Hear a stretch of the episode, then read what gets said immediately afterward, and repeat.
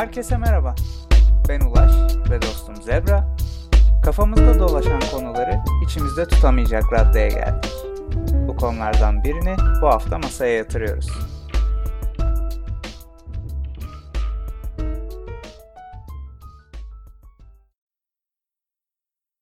Bu bölümde popülizm konuşmaya geçen bölümde bıraktığımız yerden devam ediyoruz. Hızlıca şöyle bir şeyler söyleyeyim. Bu arada hani ekonomi tarafında da Korkut Boratav, Korkut Hoca'nın yazısı vardı. İşte ülkeler Covid nasıl yönetti, işte nasıl reçeteler üretti falan diye. Burada ülkelerin nasıl e, bir takım ekonomik verilerde ayrıştığını gösteriyor tabii. E, burada da ön, şeyle bir ayrım ortaya koyuyor. Aslında e, ekonomiyi önceleyenler ve biraz da insana e, eyvah eyvallah edenler diye aslında ikiye ayırıyor. Çok böyle tamamen insan öncelik merkezli bir bakın bakış olmadığına dem vurarak söylüyor. E, burada da yakın bir zamanda e, ekonomi bakanımız hala öyle miydi? Bakanlıkların isimleri de bilmiyorum da şimdi değişebiliyor. Ekonomi bakanımız Türkiye'nin e, bütün dünyadan ayrışıp ikinci çeyrekte büyüğünü coşkuyla açıklamıştı. Hani ya bu bu bu tabii e, geçen yıl ne kadar baz etkisi dediğimiz bir etkiye dayanarak tabii bu yaşanılan bir gerçeklik ama güzel tabii yani popülist bir lider için içeriğin gerçek manası önemli değil. Önemli olan manşete e, güzel bir e, spekülatif bir söz söylemek. Bu anlamda da hani e, Korkut Hoca'nın Türkiye'nin hangi sınıfta kategorize ettiğini daha net anlayabiliyoruz. Onun dışında Avrupa'nın genel olarak e, biraz daha ekonomik olarak daraldığını e, söylüyor. Diğerleri de ilk çeyrekte bu hani Covid'i karşılarken çok fazla işte kapanmıyor. E, ekonomik ve sosyal hayatı sınırlamıyor ama e, günün sonunda işte Brezilya gibi, e, Amerika gibi ciddi bir pandemi merkezi olmaya gittikleri için mecburen kapanma ve ekonomik daha güçlü darbeler alma noktasına da gidiyorlar sonraki çeyreklerde. E, bu ekonomik evet. verileri görüyor olacağız muhtemelen. Kesinlikle şimdi Türkiye açısından da e, hani son günlerde vaka sayılarının arttığını görüyoruz. Bunun e, ileride nasıl yansıması olabilir ekonomiye ve salgının seyrine e, ona göre tekrar değerlendirmek gerekebilir belki de bu yaklaşımı. Evet. Ya bu arada tabii deminki liderlerden yani hakikaten davulun sesi uzaktan hoş geliyor ama herhalde en mantıklısı bu savaşı kazandık diyen bir yerde olmak isterdim. Veya işte şu evet. gerçekçi bir e, Merkel'in söylemi gerçekten huzur veriyor. Diğerleri Allah muhafaza yani. Yani tabii insan e, neyle karşı karşıya olduğunu bilmeden bir bilinmezlik içinde devam ediyor böyle bir sürece. Tabii şimdi popülizmden bahsettik ama popülizmde e, her yerde aynı şekilde karşımıza çıkan bir kavram da değil aslında. Valla evet yani e, demin bahsettiğim gibi pandemi öncesinde de tekrar popülizm artar mı diye endişe edildi. Aslında popülizm 2000'lerden beri özellikle Avrupa e, politikasını çokça meşgul eden bir kavram. Ve bununla ilgili de biliyorsun her seçimde bu Macron'un geldiği seçim mesela Fransa için çok önemli bir seçimdi. Yani Le Pen'in e, yükselişini durduramayacağız. Bu sefer e, Le Pen gelecek diye bir e, liberal e, cephede kaygı vardı ciddi anlamda. Dolayısıyla bu e, popülizm yükselişi bir süreç ve şu anda zirvesinde belki e, umarım zirvesidir burası. Ben de hani taraf olarak söylemiş olayım. Ama dediğin gibi popülizm... Rengimizi de belli edelim. ya şunu düşündüm biraz talihliyiz. Gerçekten daha zeki popülist liderler olsaydı işimiz çok zor olabilirdi. Yani bazı coğrafyalarda da aslında otoriterleşme, bu krizi fırsata çevirme gibi işte. E, daha başarılı liderler görüyoruz. İsim verip şey yapmayalım. Cevap hakkı da olmasın. Popülistleri karşımıza almayalım. Ee, ama e, dediğin gibi popülizm kavramı farklı anlamlar içerebiliyor. Hatta Brezilya'da işte aslında 2000'lerin başında bir sol popülizm varken Lula beraber 16-19 e, yıl kadar ülke yönetimine egemen olan bu sol popülist iktidar e, yerini sağ popülizme terk etti. Ve bununla ilgili ben aslında daha eskiden okuduğum bir kitap vardı. Bu sol Latin Amerika'da sol popülizm e, diye sınıflandırılabilecek partilerin iktidarlarını arka arkaya görmüş olduk. 2000-2010 arasında. Bunu ele alan bir kitapta daha o yıllarda diyorduk ya artık popülist kavramını kullanmayalım. Yani çok işi boşaldı. Her şeye popülist diyoruz gibi noktaya gelmişti. Gerçekten de popülizm şemsiyesinin altına girecek çokça e, farklı e, söylemler, politikalar olabiliyor.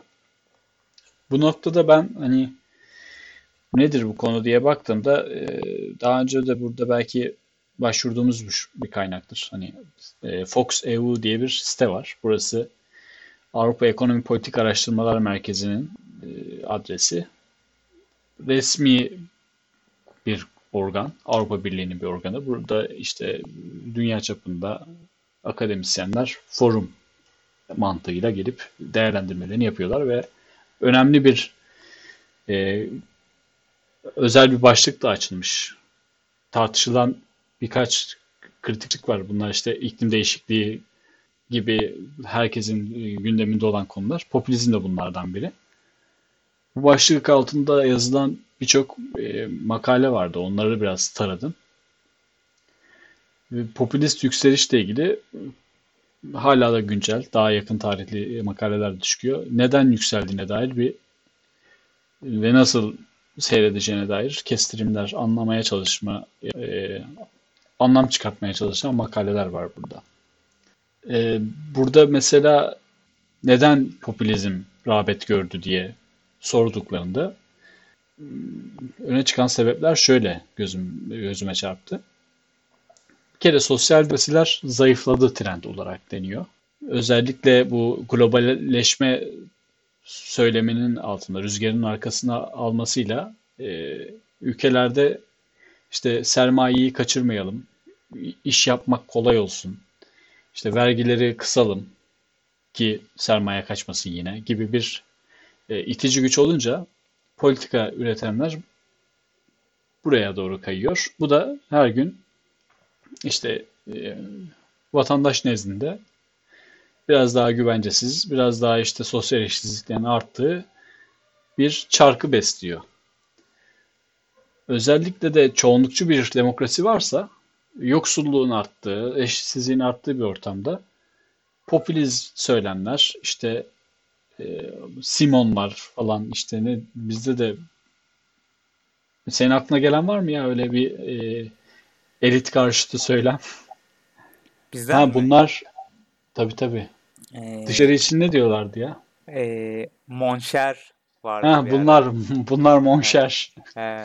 Veya yine. Bay Kemal hitabı da anti-elit bir çağrışım yapıyor. Vay, çok ince evet.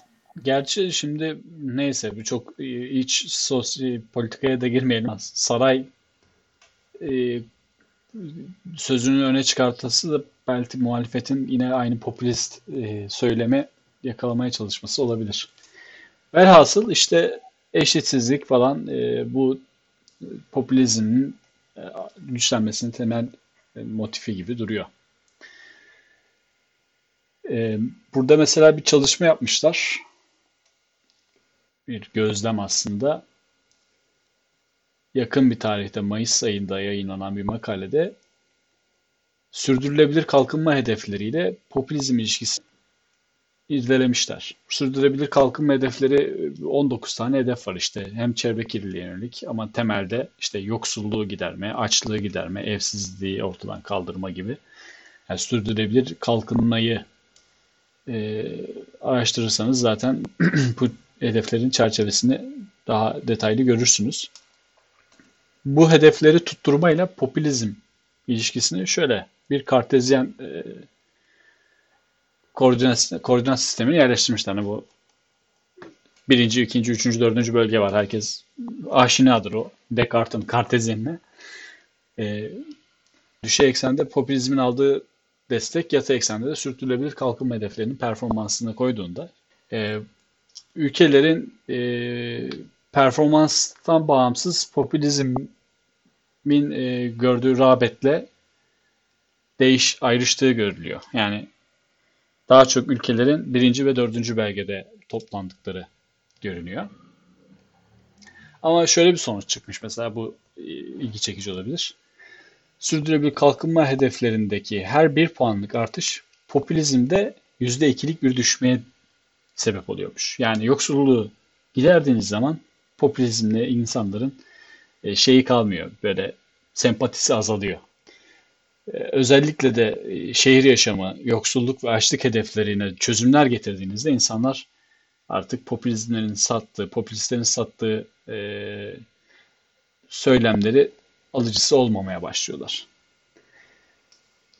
Bununla birlikte mesela e, başka bir çalışma Avrupa Birliği'nin ekonomik kalkınmada yakınlaşma politikası gereği bazı bölgelere e, fonlar, destek e, sağlaması üzerinden bir çalışma yapılmış. Mesela işte bu nedir? Hep eleştirilir Avrupa'nın işte lokomotifleri Fransa ve Almanya gelişirken bazı ülkelerde iş gücü göçü verir, fakirleşir falan diye. Bunu gidermek için böyle politika yürütüyor Avrupa Birliği ve mesela İtalya'nın daha e, görece fakir yoksullukla uğraşan e, güney eyaletlerinde popülist desteğin ve Euroseptik partilere olan desteğin daha da azaldığı görülmüş. İnsanlar gerçekten e, birazcık huzur bulduklarında demek popülizme pek de papuç bırakmıyorlar.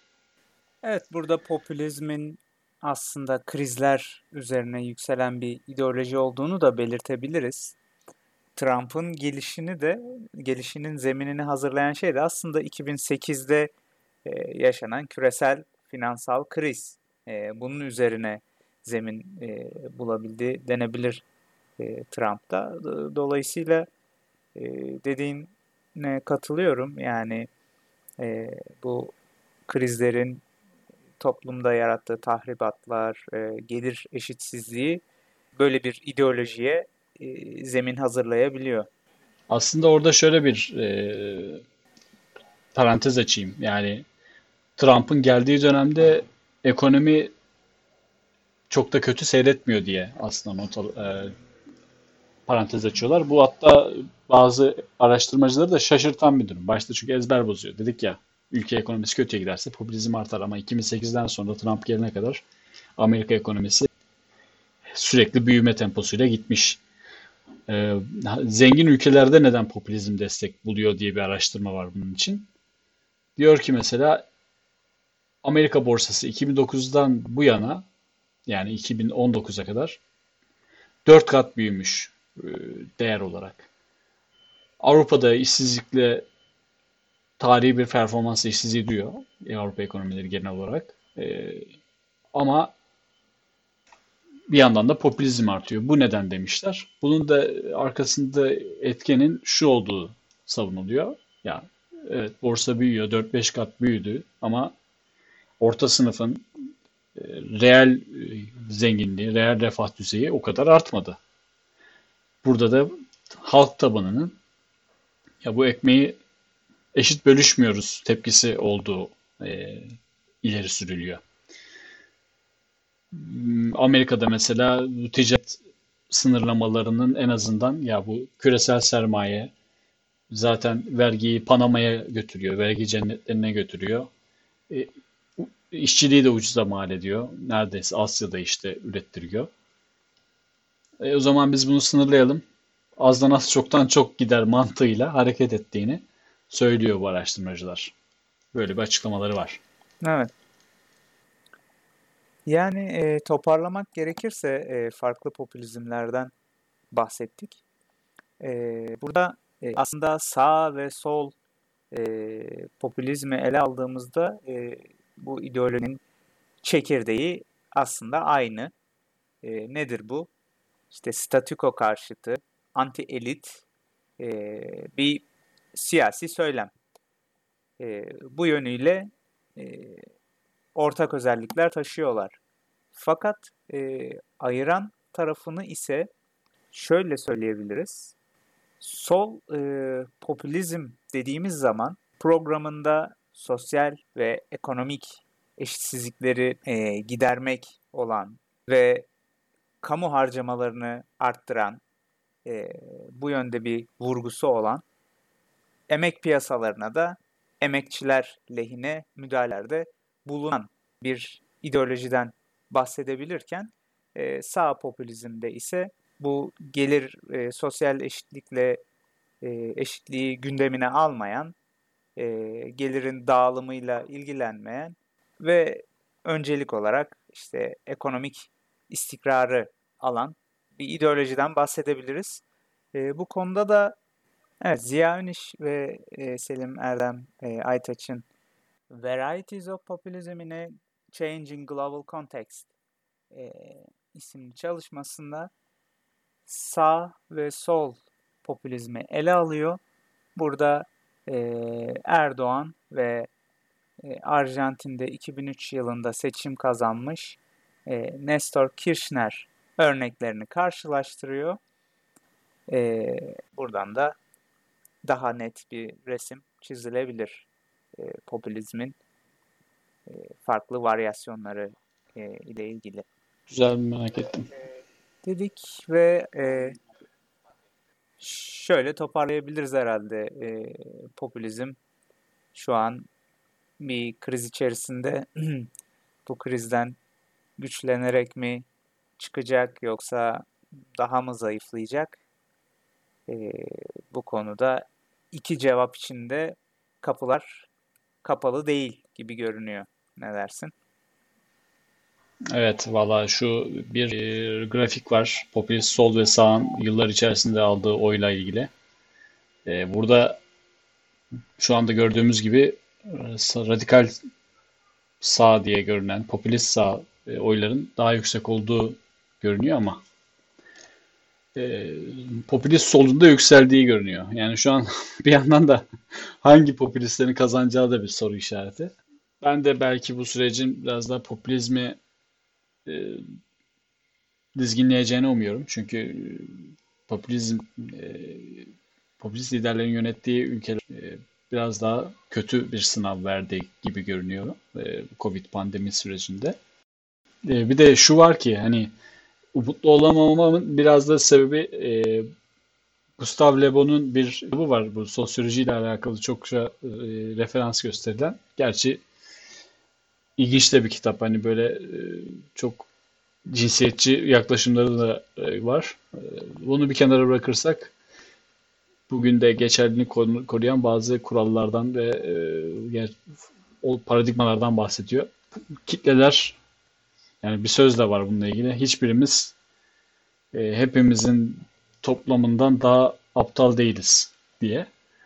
Dolayısıyla demokrasilerin bir bunalımını yaşadığımız bir çağdayız gelecekle ilgili e, soru işaretleri büyük bence de.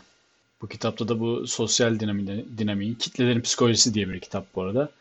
Kitlelerin e, nasıl hareketi ve aslında her zaman da e, aklı selim bir güzergahta izlemediğini anlatıyor kısaca.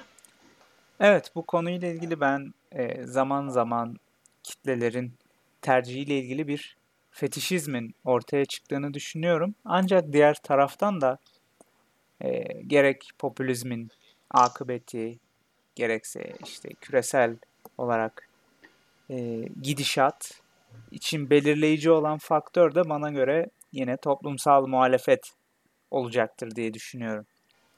Evet, olabilir. Evet, e, bunu diyerek kapatabiliriz herhalde bu bölümü. Var mı ekleyeceğim bir şey? Ekleyeceğim bir şey bize yazın ya. Şey yapın yani. Yorumlayın. Evet. Bu çağrımızı da yaparak e, bu bölümü burada tamamlamış oluyoruz. Bir sonraki bölümde yine enteresan konularla burada beraber olacağız. Hoşçakalın. Hoşçakalın. Bizlere Oratlı Podcast hesabı üzerinden ulaşabilirsiniz Instagram aracılığıyla.